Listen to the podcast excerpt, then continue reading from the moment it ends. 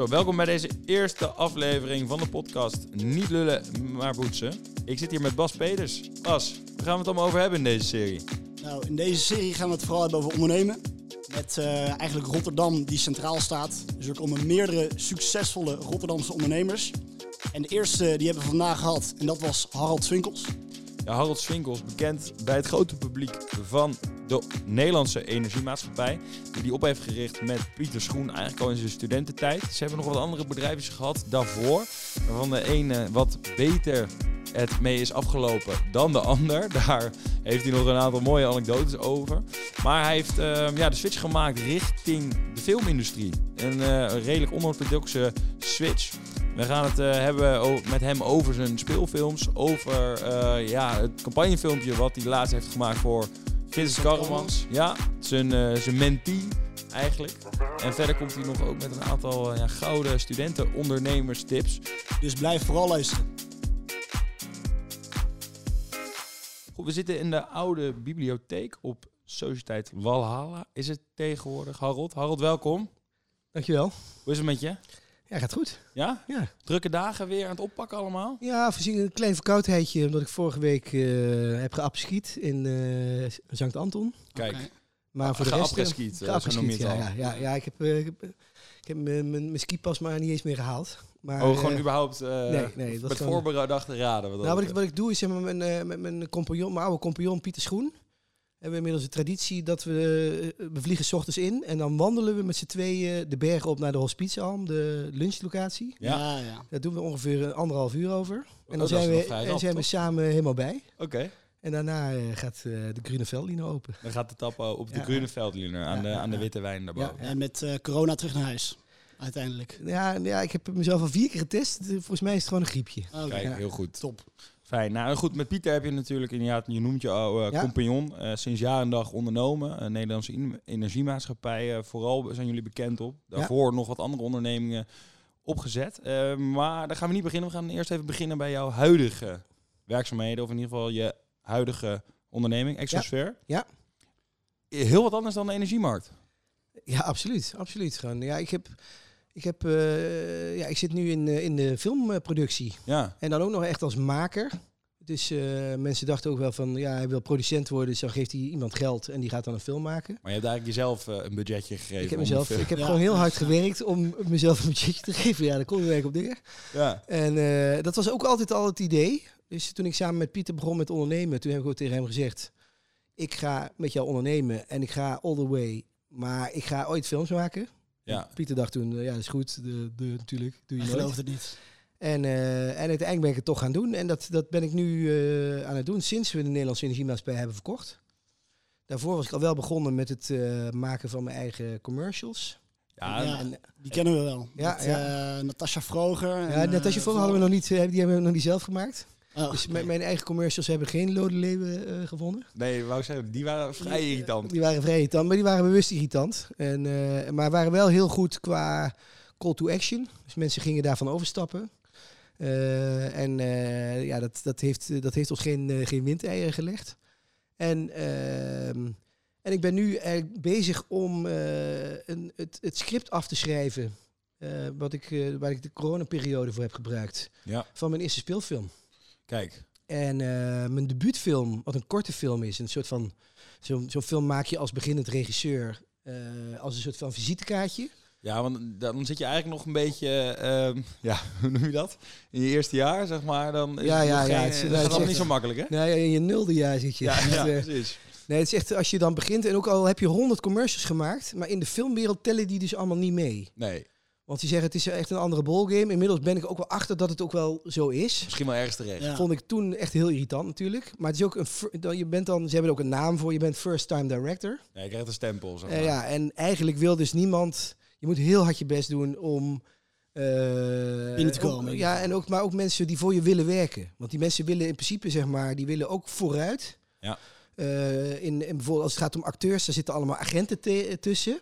En die willen eigenlijk ook weer dat hun acteur weer met een nog grotere regisseur ja, uh, werkt. Zijn ik ben gewoon impressed echt... van uh, je ondernemersverleden dan? Nee, nee helemaal niet. Nee, nee, dus het heeft nog nooit gewerkt om te zeggen, ik heb een energiebedrijf gehad. Ja.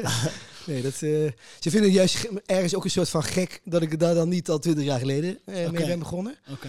Maar het is aan de andere kant heeft het wel af en toe een haakje gegeven dat het verhaal, eh, er zit nog een soort van verhaal aan, aan vooraf. Dat ik het zeg maar samen met mijn broer een, een plan heb opgesteld Ja, om dat ja. te gaan doen. Eh, Dat we, we wilden het al van jongs af aan. Ja. En dat mijn rol binnen dat plan was om ervoor te zorgen dat er middelen waren om mooie films te maken. En mijn broer al in de filmindustrie eh, een, eh, zeg maar actief Ja. eh, mocht En worden. die doet dat nu. Die doet dat nu. Ja. Die is eh behoorlijke big shot in, eh, in Hollywood. En, eh, en dat geeft dat feit dat hij ook zo succesvol is, dat maakt mij dan ook weer geloofwaardig. Ja, Want want dat- hij werkt bij Universal. bij Universal, ja. Ja, Ja. ja. Dat is niet de minste, inderdaad. Nee, en hij zit ook gewoon, eh, hij zit op het niveau dat hij een cashkaart krijgt van Christopher Nolan. Kijk, Maar, dus dat, eh, dat is prima. Dat is wel prima, Dat ja. kennen we wel. En eh, zijn er al plannen om samen iets eh, uit te nou, ja, voeren? die, zijn, die zijn natuurlijk al heel lang, maar hij zit daar nu ook gewoon. eh, Hij zit goed. ik ja, moet gewoon, ik moet eerst zeg maar, ik moet nu eerst films afleveren. Eh, voordat überhaupt ook zijn netwerk open kan. Want die Amerikanen zijn er ook niet zo makkelijk in. Het is niet eh, van, hé, hey, hier is mijn broertje. Die heeft de energie eh, geleverd. Een paar En, commercials eh, geschoten. ja, ja, ja, ja. Dus ik moet nu zeg maar, ik moet zorgen dat ik extern acclaim krijg. En dan kan hij in ieder geval me helpen in zijn netwerk. Hij is sowieso wel mijn belangrijkste sparringpartner. Ja. eh, waar, eh, waar dat om gaat. Ehm, maar hij blijft er nog wel een heel aantal jaren. En ik, ik ben gewoon nu bezig om mijn films van de grond te krijgen. Maar dit vind ik wel mooi inderdaad. Want jullie hebben eigenlijk met elkaar een afspraak gemaakt. Ja. Dus hij, gaat, hij mocht al meteen eh, Ja, de filmwereld in. Ja, Eh, jij moest eerst middelen eh, zorgen. Dat Ja, ja. sla ik dan even plat als in je moest... ja toen, toen we het met elkaar afspraken, eh, was het geld verdienen. ja, geld veel, verdienen. veel geld verdienen. Veel geld En- verdienen. Ja. Hoe, hoe oud waren jullie toen jullie deze afspraak Ik was elf en hij was dertien. Want hij, hij zat net op de brugklas. Oké. En, eh, en hebben, toen zagen we wel een beetje dat hij wat meer de alfa was. En ik was wat breder eh, qua oriëntatie. Hij moest wel een beetje een vakkenpakket misschien eh Ja, over ja, ik- nadenken. Maar ik weet het niet meer precies, want we hebben het nog wel gewoon proberen terug te herleiden. Maar ja, toen hebben we met elkaar er al over gesproken. En hij is toen film- en opvoeringskunsten en eh Amerikanistiek gaan studeren in Nijmegen. Wat En mooi. ik- Het is echt wel, En, echt en wel een plan ook het wel. was echt het onderdeel van het plan. En ik econometrie, want dat leek mij de Ja. snelste weg naar veel geld. Het is tegenovergestelde bijna. En precies. Nou, Bas, en, eh, eh, Ja, dat ik ben zelf ook dezelfde zo'n... ik ben zo, nou, ik heb niet getwijfeld over... eh, bij mij was er minder twijfel. Bij mij was het echt econometrie. Ja. Ja. Nou ja, en, en, en, en eh, ik heb hem toen ook in die tijd best wel onder druk gezet. Dat ik zei van ja, weet je, met deze twee flutstudies moet je wel echt fucking succesvol worden in de film. Want voor de rest wil niemand je natuurlijk hebben, zeg Nee. maar. Dat heeft hij wel goed gedaan En dat dan. heeft hij zeker goed gedaan, ja. ja.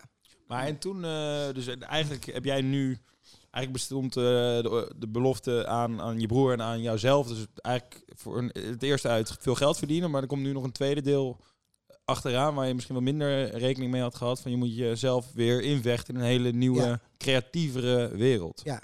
ja, dat wel. Maar dat is wel een van de dingen die ik heel leuk vind. Zeg maar. En mijn, mijn broer heeft gezegd, nou, als we iets ooit met elkaar samen zouden gaan doen, dan zit ik met meer aan de producentenkant. Ja.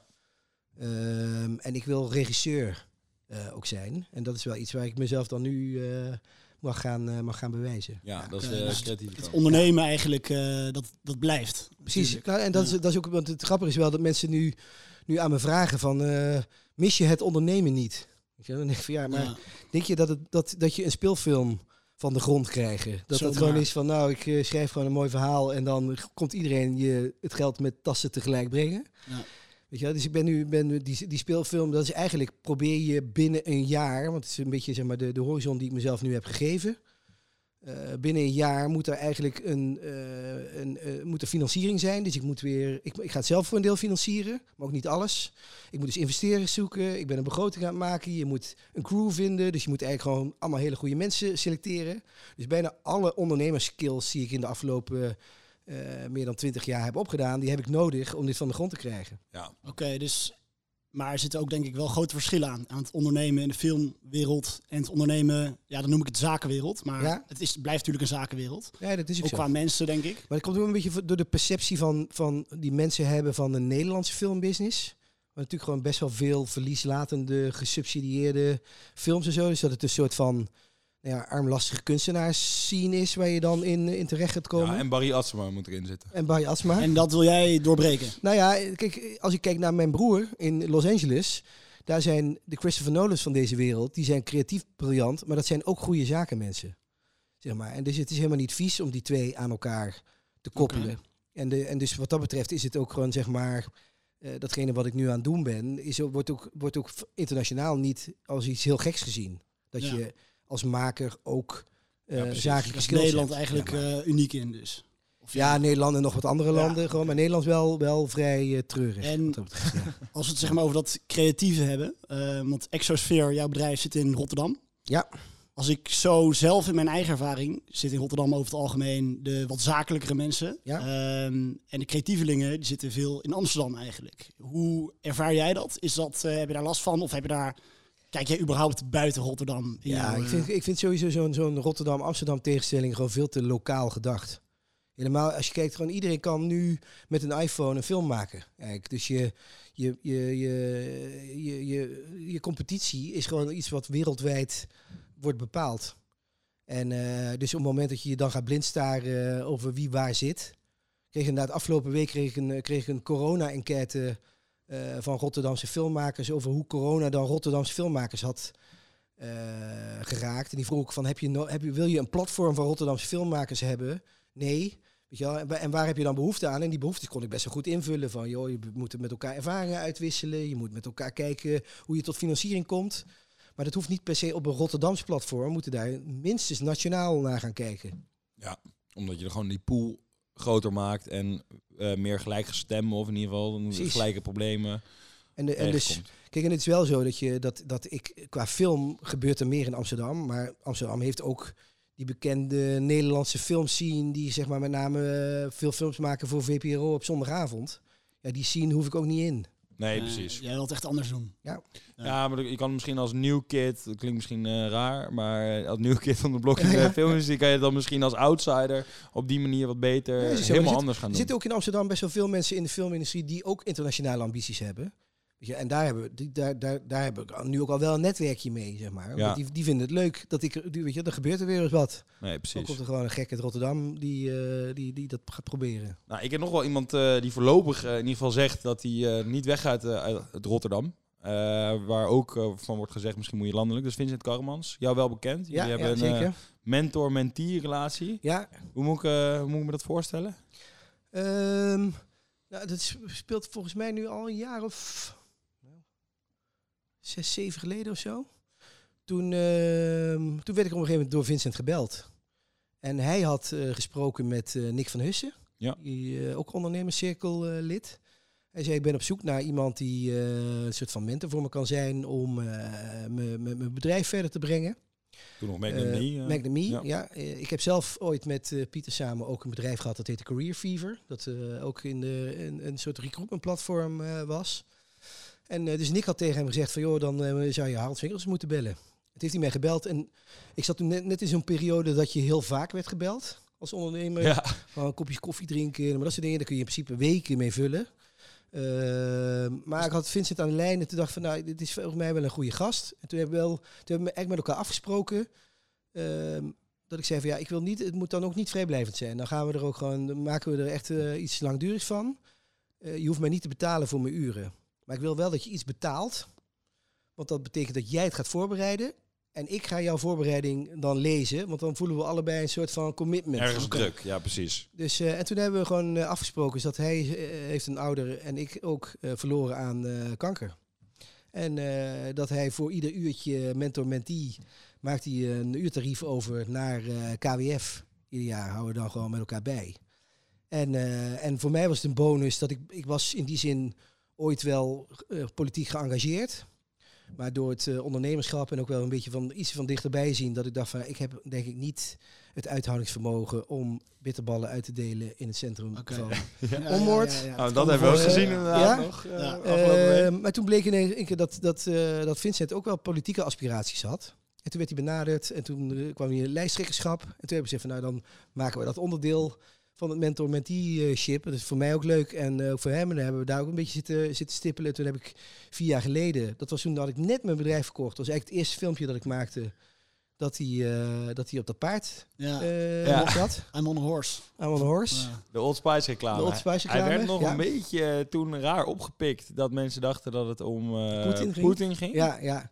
ja, maar het maakte op zich ook niet uit. Want op dat moment had de VVD volgens mij drie zetels. Dus ze hadden eigenlijk gewoon vrij weinig te verliezen. Ja, Kun je beter Ehm, opvallen? En ik zei ook van ja, weet je, je bent een soort van challenger.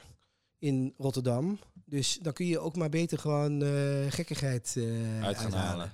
Ja, en eh, dus afgelopen eh, twee of twee weken geleden is volgens mij, nou, net voor de verkiezingen, de nieuwe uitgekomen. Ja, ja. Ook veel reacties op gehad, denk ik. Echt ja, bizar. gruwelijk gemaakt Echt. natuurlijk.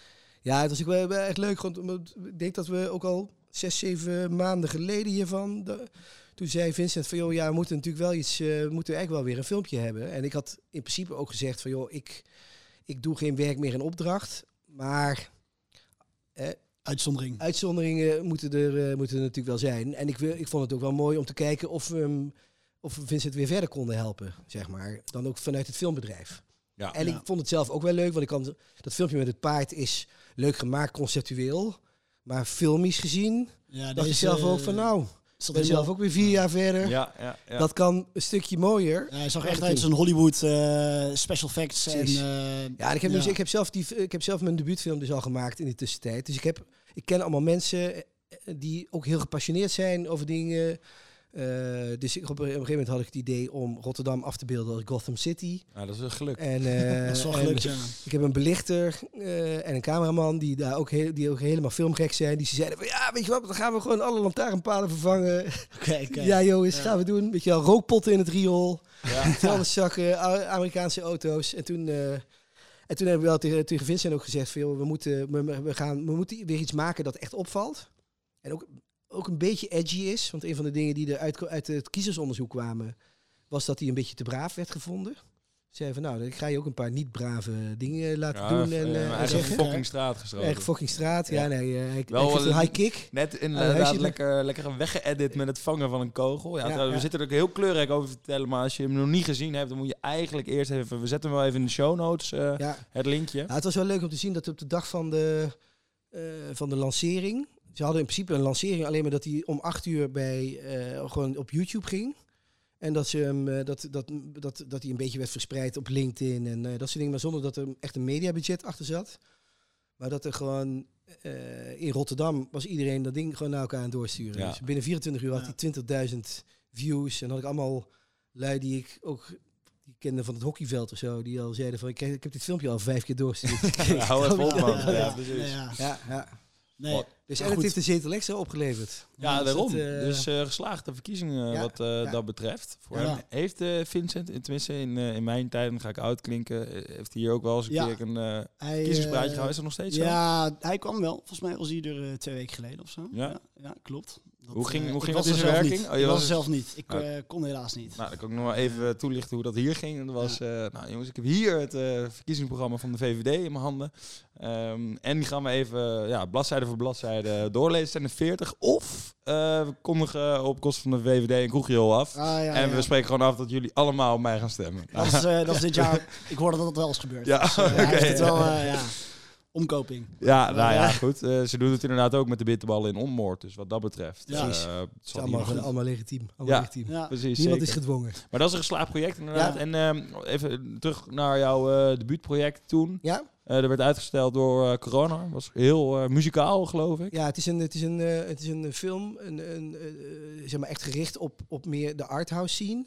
Dat is, het, dat is een beetje zeg maar, gangbaar voor je visitekaartje. Ja, dat is ook een beetje meer op, op festivals is dat Voor vaak, toch? festivals Ja. en zo. En daar, wat, op die festivals, daar ga je naartoe om andere producenten en distributeurs te ontmoeten, et cetera, et cetera. Ja. Dus, Meer een beursachtig, eh, zoals we Zo- die uit zo- zo- andere sfeertje industrieën kennen. Ja.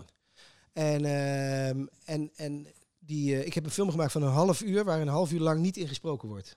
Ja. En, Ja, dat is- ehm, en dat is, eh, betekent dus dat muziek is en heeft een hele belangrijke rol. En wij zouden met een eh, orkest zouden wij op 16 maart 2020 zouden we de soundtrack gaan opnemen. En toen ging 15 maart s'avonds de lockdown erop. En ik was als regisseur nog neusverkouden. Ja. Dus toen, eh, toen was het dus eh, klaar. En toen hebben we hem uiteindelijk pas zeven maanden later af kunnen maken. ja, dat is en, pittig. eh, dus dat was, was Wanneer vrij komt ruk. hij uit? Nou, hij is nog niet Ja. uit. Want daarna kwam natuurlijk iedere keer kwam er weer een nieuwe golf. Ja, ja En- dus wanneer komt hij uit? Of, Ja, eh, hij gaat in 2022 Oké. wel uitkomen. Zeg maar. We zijn nu aan het kijken, we hebben welke, je moet dan een soort van strategietje ook hebben. Want als je bij het ene festival eruit bent, dan willen de anderen hem niet meer. Dus je bent een soort Ja, van aan het positioneren ja. waar die zijn release eh, krijgt. Qua prestige en dat Ja, soort dingen. Maar het is wel zo dat ik, omdat ik hem nu al heb, is dat ik, ik het eerste filmfestival waar ik nu zelf naartoe kan met mijn speelfilm onder mijn arm. Eh, wordt al kan. Of, die, of mijn debuutfilm daar nou wordt vertoond of geselecteerd of niet. Want ik kan dan altijd zeg maar zeggen van, tegen andere producenten van joh, wil je mijn debuutfilm zien? Hier, Precies, linkje, dat kan je op die manier ben je, Ja. heb je die stap eigenlijk Ja, en- al gemaakt. En wat ik ook nog gedaan heb, dat is ook weer meer zeg maar, een soort van aan de ondernemende kant. Dat ik dacht van ja, ik, ga, ik kan wel heel passief gaan zitten wachten tot corona voorbij is. Ja, Eh, dus ik heb in mijn, eh, ik heb in, eh, in, in Rotterdam heb ik een schrijfplek waar ik aan het script werk. En eh heb ik een soort van hele creatieve, eh, coole ruimte van gemaakt. Maar in het midden daarvan heb ik een kubus neer laten zetten wat, waar je binnenin eh, heel goed film kan kijken. Een soort bi- mini-bioscoop. ah kijk, dus daar kan je mensen uitnodigen. en ik heb een, bar, een hele lekkere bar erin laten zetten. Dus mensen die zeg maar filmfestivals missen, Ja, eh, langs. die, die kon ik er gewoon. Dus ik heb hem ook al aan een. Ik heb al een paar eh, mogelijke co-producenten, een eh, heel groot eh, streamingplatform dat geïnteresseerd is in de speelfilm, omdat ik ze in de tussentijd mijn debuut al heb kunnen laten zien. Kijk. Oké, oké. En ehm, nu de eerste grote, in ieder geval de speelfilm dan. Ik ken Ja. wel iets van een tipje van de sluiters. Ik heb ze nog niet af, maar wat, Nee, wat nou, het voor in- richting het- moeten we het het, zoeken? gaat, eh, het, is een, het is een psychologische thriller in combinatie met coming of age. Oké, Eh, dus coming of age gaat dus over volwassen worden. ja. Ehm, en het gaat over een hoofdpersoon. En die hoofdpersoon die wordt al jaren achtervolgd door een terugkerende nachtmerrie. En in die nachtmerrie wordt diegene gewaarschuwd voor iets door iemand. Ehm, en in de film gaat diegene op zoek naar eh, waar die nachtmerrie nou precies vandaan komt. En eh, naarmate dat zeg maar vordert, wordt het steeds spannender. En er zit aan het eind een ongelooflijke sick plot twist.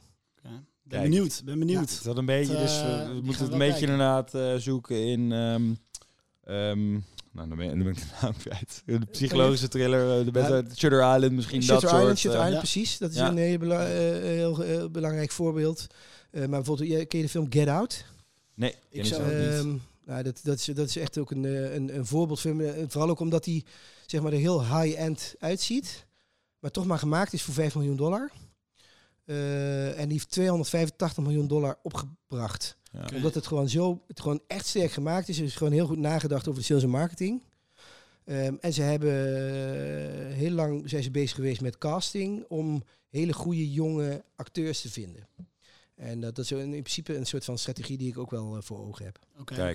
Maar dat... eh, Huiswerk voor ons, Bas, ja, als ja, eh, twee economisch gerichte ja, studenten. Ja, ja. Maar ehm, goed, inderdaad, die filmcarrière, dat... eh, ja, ik ben erg benieuwd naar de film en dat gaat er nog komen. Maar we zijn ook erg benieuwd naar jouw beginjaren. Eigenlijk, ehm, ja, na je studententijd ben jij gaan ondernemen. In, mijn- in mijn studententijd. In je studententijd al. Ja. En ehm, ja, dus voor de Nederlandse Energiemaatschappij heb je al een aantal ondernemingen gehad. Ja.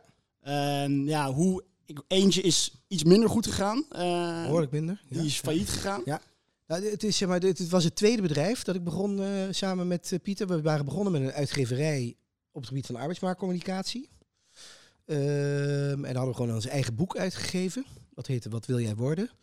Eh, maar we zagen toen om ons heen. Ik ben begonnen in 1998, was toen vijfde jaar student. En ik had toen in mijn vijfde jaar in één keer heel veel studiepunten gehaald. En, ehm, en, maar om mij heen deed iedereen minstens zes jaar over zijn studie. Dus ja, sorry jongens, maar dat was in onze tijd nog heel gangbaar. niet meer. Lekker hoor, ik heb hem ook aangetikt. Ja. Eh, en, ehm, hoe heet het? en toen, eh, en maar we zagen om ons heen dat natuurlijk online en internet, dat was het toen net. Zeg maar. Dus, eh, dus het is gewoon de tijd eh, voor de dotcom. En wij zijn gewoon lekker mee gaan doen met de dotcom-bubbel, maar wij zetten ons daar wel tegen af. Omdat er in die tijd was het echt een soort van massa-hysterie. Omdat alles wat maar internet heette, dat zou alles gaan overnemen. Eh, maar er waren ook gewoon lui met een, met een businessplan van een half A4'tje. Die gewoon heel veel geld kregen, maar nooit hadden nagedacht over hoe je geld moest verdienen. En wij zaten al een beetje in die arbeidsmarkt. Dus hadden wij bedacht dat wij eh, solliciteren en je oriënteren op eh, werkgevers. Dat was heel saai op dat moment nog. In, de, in die tijd had je gewoon een, een website, dat bestond dan uit drie pagina's. En dan kon je op een button klikken en dan kon je een jaarverslag. Kreeg gewoon een boek Ja. van zo iemand. Wat dat betreft hebben ze nog niet echt geleerd hoor, de corporates. Nee. Nou, en we hebben toen gezegd van, er was toen ook net een, de wereld van gaming was toen ook net, eh, op, Nieuw. op- net, net nieuw. Toen hebben we gezegd, we gaan solliciteren en de gamemarkt met elkaar verbinden. Eh, en ons voor- voorbeeld aan de gamingkant was eh, Lara Croft Tomb Raider 1, Ja, zeg maar. we kennen dus, Lara eh, Croft nog wel. Ja, ja, zeker. En toen in dat bedrijf, dat, eh, en wat we uiteindelijk maakten was een CD-ROM. Want de visuals die we wilden hebben, die waren veel te zwaar voor het internet. Je, het CD-ROMtje stopte in je computer, dan kon je die 3D geanimeerd door een eh, groot gebouw lopen. Dan nam je bijvoorbeeld de lift naar de afdeling Fast Moving Consumer Goods. En dan kwam je naar binnen, dan, eh, dan liep je daar eh, over de gang en dan ging je naar binnen in de Heinekenkamer en dan ging de Heineken-recruiter, opgenomen op video, ging een vraag-antwoord spelletje met je spelen. Je kon het jaarverslag in pdf uit de kast pakken en er gingen video's kon je laten afspelen. Dus wel allemaal in die tijd compleet state of the art. Ja. En als je daar dan doorheen kwam, door dat vraaggesprekje, dan eh, kon je met je modem contact maken met het internet. En die ging dan allemaal geluidjes maken. En dan stuurde je je gegevens op. En de arbeidsmarkt was toen echt fucking krap. Dus eh, als je dan je gegevens opstuurde, want je was door het Heineken online job interview gekomen, dan mocht je meteen op gesprek bij Heineken. Oké. Dus dat was zeg maar het einde van de sollicitatiebrief. Oké, Kijk. dus allemaal virtueel. Ja. Alles virtueel. Ja, ja. En, dat, eh, en dat bedrijf dat hype te voorkomen. Want we hadden zeg maar met de uitgeverij hadden wij eh, advertenties verkocht in een boek. En daar hadden we een, we hadden een bestand gekocht van de Kamer van Koophandel met 1500 bedrijven die meer dan 10 miljoen euro omzet of zo maakten. En die belden we. En toen hadden we, daar hadden we uiteindelijk 35 klanten uitgehaald. Zeiden van nou, dit, dit Van bedrijf... de 150. Van de 1500. Van de 15. Oh, ik dacht al, dat is prima. Van de 1500? prima Ja. omzet. ja. En, eh, en, toen, ehm, en toen dachten we van, nou, voor dit bedrijf is het natuurlijk net een tikkeltje sexier. Dus dan gaan we misschien wel 60, 65 klanten of zo uithalen. En die gingen we gewoon bellen. En die mensen, maar we hadden een demootje gemaakt. En toen, eh, en toen wilden van die 1500 bedrijven wilden er 600 een afspraak. En we waren met z'n tweeën. Dus meteen, hup, vriendjes bellen bij het RC. Kom werken. je moet je pak naar de stobberij Hup, brengen. hup. Ja, presentaties gaan geven. Ja. En ehm, nou goed, in, in een heel lang, eh, lang verhaal kort. Eh, want de, de, en dat is eigenlijk een van de belangrijkste leerervaringen is dat die uitgeverij was best wel groot succes geworden. Dit bedrijf ging helemaal through the roof. Ja, Pieter en ik, wij dachten echt, alles wat wij aanraken een verandert in goud. Godenzoon. Ja, ja, ja, ja. En, ja, en we stonden nog met één been hier in de, op de sociëteit en één been. eh, dus wij liepen hier ook gewoon rond als de gebraden hanen van, eh van Studerend Rotterdam. En iedereen vond het ook vond dat heel erg mooi op Ja. dat moment. We hebben eh, na een jaar hebben we een overnamebod gehad. En dat was, eh, dat was een flinke. ehm, van 35 miljoen gulden. Eh, van op dat moment. En hoe oud was je toen? Zeg? 24. Nee, ja, 24 waren we toen, ja. Dus eh 24. En toen... eh, en dat Ik was van, de moeder, weten hoor. van de moederbedrijf van Monster.com. Ja. En eh, ja, nee, maar we hebben toen eh, we hebben daar nee tegen gezegd op uitdrukkelijk advies van onze financieel adviseur. Die zei van ja, nee, maar jullie zijn gewoon zes- 96 miljoen gulden waard. En wij hadden zoiets Wie van veel te ja, weinig, ja. hè, wie, wie ben ik om te zeggen dat jij ongelijk Ja. En, en hey, we waren ook nog maar een jaar bezig, weet je wel. We hadden nog niet eens een product in de markt. We hadden alleen dat demootje. Dus we dachten echt, de sky is the limit. We gaan gewoon de hele wereld veranderen. Ja. En daar hadden we ook veel veel eh, lol in. En dat hebben we toen, eh, dat hebben we dus niet gedaan. Toen hebben we daarna wel een investering gekregen van een venture capitalist. Die eh, ons 10 miljoen gulden gaf. op voorwaarde dat we binnen zes maanden in nog vijf landen actief waren. Nou, dat zijn we ook gaan doen. Dat was echt fantastische tijd. Ik bedoel, je zou 425 zijn, je krijgt altijd geld. We hadden kantoren in Londen, Parijs, Stockholm, Madrid, Brussel en Den Haag. En eh, het was één groot feest. En overal waar we kwamen ook.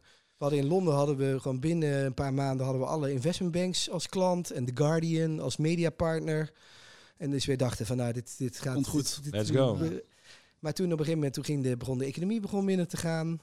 Eh, op een gegeven moment werd eh, ja, de eh, dotcom hype. Ja. Als in één keer was dotcom was besmet. Want je had in Nederland had je dan. je had in ieder land waar we actief waren, had je zo'n soort debakel. Gewoon met, in Nederland was het World Online.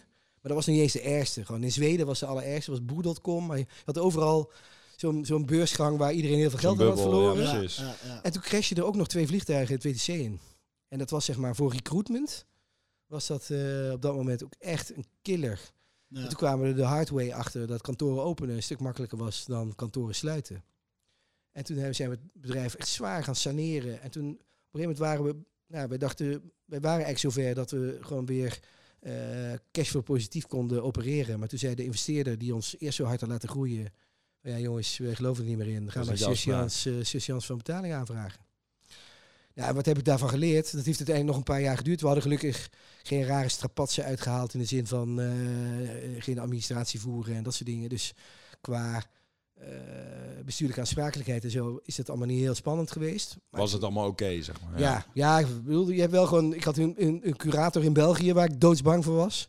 Oké. Die man altijd, altijd, ik zeg maar, het eerste kwartier dat ik hem zag, zorgde hij ervoor dat ik in een konijn veranderde. En dan ging hij daarna, dan wilde hij die zaken gaan doen, zeg maar. Maar Ja. nadat hij dat drie keer had gedaan, toen dacht ik van oké, dit is een Prima. stijl, prima.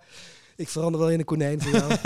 Ehm, maar, ehm, en, en, maar ik, heb toen met name ook geleerd van dit wil ik liever niet nog een keer meemaken. Want het was wel gewoon, ik kan er nu lachend over praten, maar dat was wel echt, het was wel natuurlijk wel super zwaar. Dus met name Ja, ook op het menselijke vlak.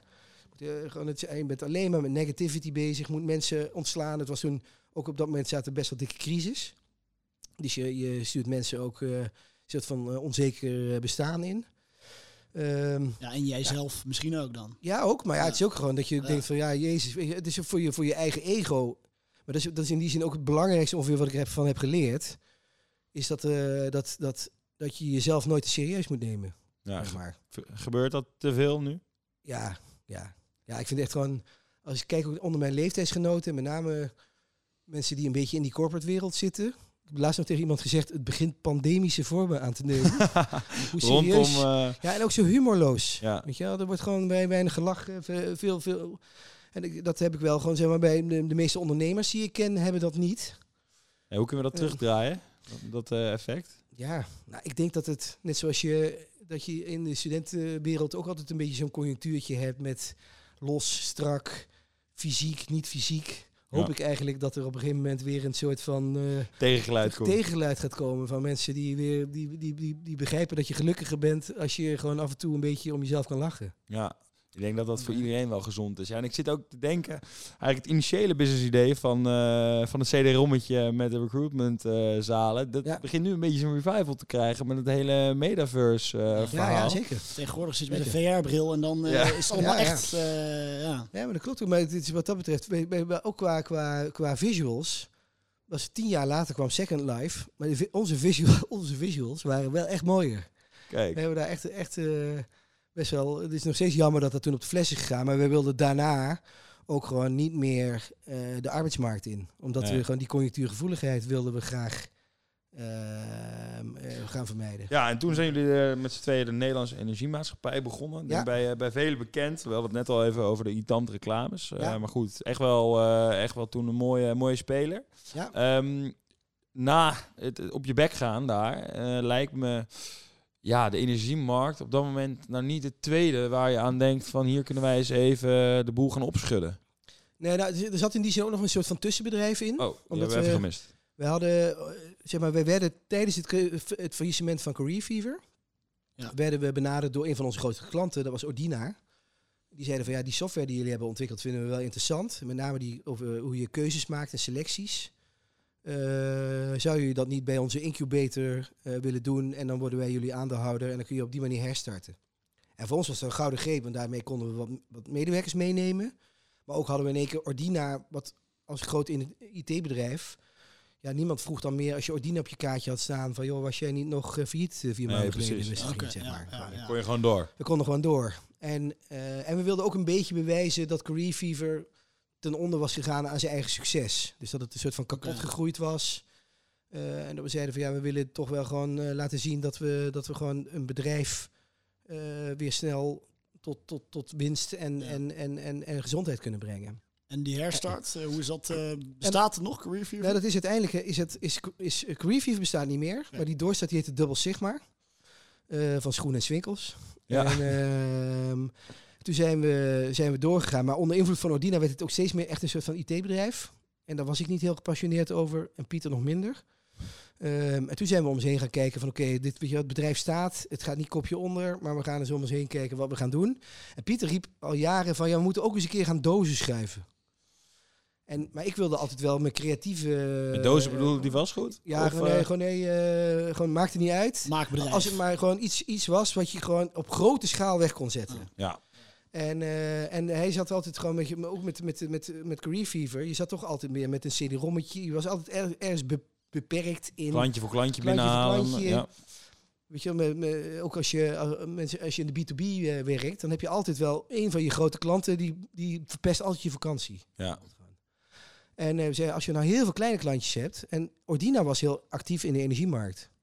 En daardoor waren wij met, het, met, het, eh, met Dubbel Sigma ook actief in die markt. Tenminste, we waren daar. We probeerden daar actief in te zijn, maar commercieel heel onsuccesvol. Omdat die grote energiebedrijven allemaal heel ambtelijk waren. En die vonden ons te, te veel een beetje. precies stoffig, niet marketing driven.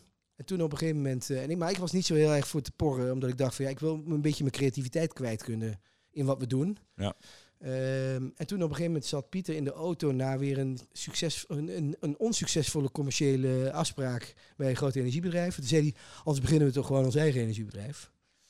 En eh, dat, eh, dat vond ik toen twee weken lang eigenlijk best wel een slecht idee. Maar toen zijn we ons een beetje in gaan verdiepen. Toen we van ja, we zijn toch ook een... Ja, in ons hart zijn wij gewoon sales en marketing eh, mensen. En hoe, hoeveel, hoeveel uitdaging ligt er nou in om zoiets saais De als B2C, een kilowattuur, ja. kilowattuur en een kuub gas, weet je, en dat duurzaamheid, et cetera. Ik bedoel, nu is energie all over the news. Ja. Maar op dat moment was er gewoon over de energiemarkt, stond er gewoon één keer in de maand eh, iets in de krant, zeg maar. Dat was Ja. echt gewoon saai, stoffig, slapen, zeg maar.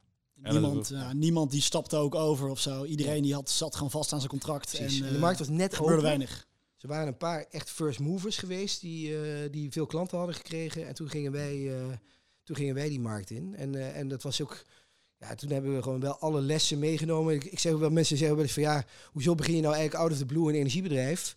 Maar ik was het ook niet begonnen als je niet daarvoor al Nee, met elkaar drie, vier bedrijven hebt gehad. Ja. Dan, je hebt wel het idee dat je bepaalde dingen beter kan dan, dan grote bedrijven. En een beetje natuurlijk ingelezen, doordat je daar al in actief was, ja. Ja. Ja, slim. Oké. En eh, Maar je hebt toch altijd, dat fascineert me toch wel het meeste. Je hebt toch altijd met die afspraak eh, met jezelf eigenlijk gehouden. Ja, Van, ik ga op een gegeven moment eh, toch de, mijn passie eigenlijk achterna ja, en de film in. Ik denk dat er best wel veel studenten misschien... Kijk, ondernemen was in jouw tijd, studententijd, echt minder sexy. Hier is het nog wel, maar er zijn nog best wel veel studenten die ook toch eerst even corporate kiezen. Of eerst zelfs Ja. misschien wel een stapje verder pakken. Heel veel mensen, heel veel studenten gaan hier finance in, eh, banking in. Hard werken, maar die doen het dan misschien toch even voor het geld. ja. eh, om daarna leukere dingen te doen. Eh, zie jij dat ook, dat je dat echt wel op die manier gedaan hebt? Of had je toch wel echt passie voor het ondernemen? Nou ja, de, de- wat er uiteindelijk in zat, was de, de passie van, voor het ondernemen heeft er wel vanaf het begin af aan ingezeten. Ik heb natuurlijk ook nooit in een corporate omgeving gezeten. Moet je wel zeggen dat toen ik begon in, eh, om me heen te kijken in, in mijn vijfde jaar van met wie zal ik eens gaan ondernemen. Ehm, toen had ik nog wel het idee van, nou dat doe ik dan een paar jaar. Dan ga ik inderdaad even een paar jaar geld verdienen. Ja. En dan, dan maak ik dan alsnog de stap. Ja, je bent er wat meer ingerold. Maar ik Ja. bedoel misschien inderdaad, van, eh, eh, stel je voor je maakt die keuze en eerst even een paar jaar geld verdienen, dan ga ik doen Ja. wat ik leuk vind. Zou je dat nog steeds wel aanmoedigen? Of zou je misschien Nee, denken, nee, misschien... niet. Nee. Dus niet. Nee, nee, totaal niet. Gewoon de- als je kijkt hoeveel mensen ik tegenkom die zeggen, ja, ik wilde eigenlijk ook gaan ondernemen. Maar nu kijk Ja. ik over mijn schouder, en zit ik al twintig jaar lang. Ja, de golden handcuffs, elke Als je eenmaal keer... begint een- inderdaad, dan eh, Ja. kom je er Ja, niet dat is uit. natuurlijk heel fijn in je studententijd beginnen met ondernemen. Gewoon wat, weet je wel, what's the worst that can happen? Gewoon. ja, huur niet betalen. gewoon, Ja, je huur, ja.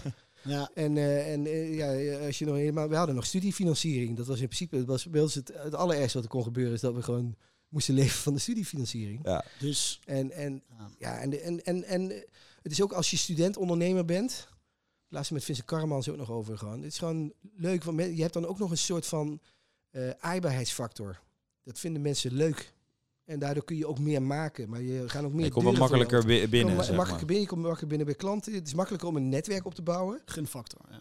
En dat, dat is echt wel iets wat je op het moment dat je tien jaar in banking hebt gezeten en je begint dan als ondernemer, probeer dan nog maar eens die kopje koffie te regelen die je kan regelen als je student-ondernemer bent. Als je 25 bent, ja, daar Ja, krijg ja. jij er op een gegeven moment te veel van. Maar je zou toch eh, zeggen van, Ja. begin daar nou maar ja, mee. begin er maar mee. Begin er maar mee. Dus als je zelf jouw carrière helemaal terugkijkt, eh, meerdere bedrijven opgericht, daar in de filmwereld, Ja, zou je hetzel- hetzelfde overdoen of misschien toch gelijk beginnen in de filmwereld? nee, ik zou, nee, dat, dat, dat, nee, dat Dat zou ik niet. doen. Dat is, maar dat is ook omdat ik dan weer mensen zie in de filmwereld die dan weer beginnen zonder enig middel. Eh, dat ik wel denk gewoon van ja, dat, dat is ook weer gewoon, dan, dan wordt het ook weer zo, ja, vaak zo aanmodderen. Ja. Ja, omdat je, bent heel, je maakt jezelf heel erg afhankelijk van andere mensen. Ja, precies. Dus de positie die jij nu een beetje als... Dat je alle facetten ziet, oh, natuurlijk ook Ja. van, vanuit je creatieve, maar ook de ja, pro- producentenrol die je dan toch ook hebt bij Ja, deze productie.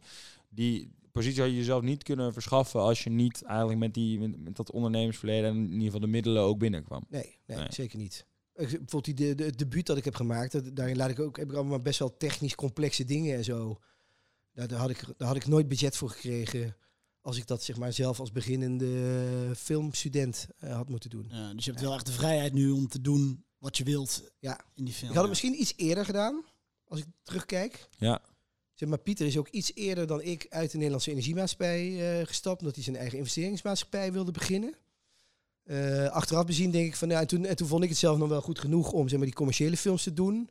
Als ik nu terugkijk, denk ik van, nou, misschien was, had ik toen wel gewoon tegelijkertijd met hem eh, dat ook kunnen doen. Maar ja, aan de andere kant, we hebben nu ook het bedrijf eh, op een hele mooie manier schouder aan schouder kunnen verkopen. En wie weet wat er dan was gebeurd, weet je wel. Ja, het is, Ja. Wat dat betreft, is timing kun je nooit inschatten. Ik had ook nooit kunnen voorspellen dat ik gewoon nu dolblij ben dat ik geen energiebedrijf meer heb. Ja, oké. ja, het had natuurlijk anders kunnen lopen. Ja. Ja, Ja. mooi. ik heb, er- ik heb er ooit, Ja. ooit wel eens een keer een interview gelezen over, eh, volgens mij was het de oude Venten van, Ventenen van Vlissingen. Ja. Dan even over het verkopen van je bedrijf. Daar was aan gevraagd van, waarom is uw familie zo puissant rijk geworden? En toen was zijn antwoord, we hebben altijd te vroeg verkocht. Oké. Ja. Dus niet, eh, niet, twee jaar later failliet gegaan. Ja. Nou, dat lijkt me.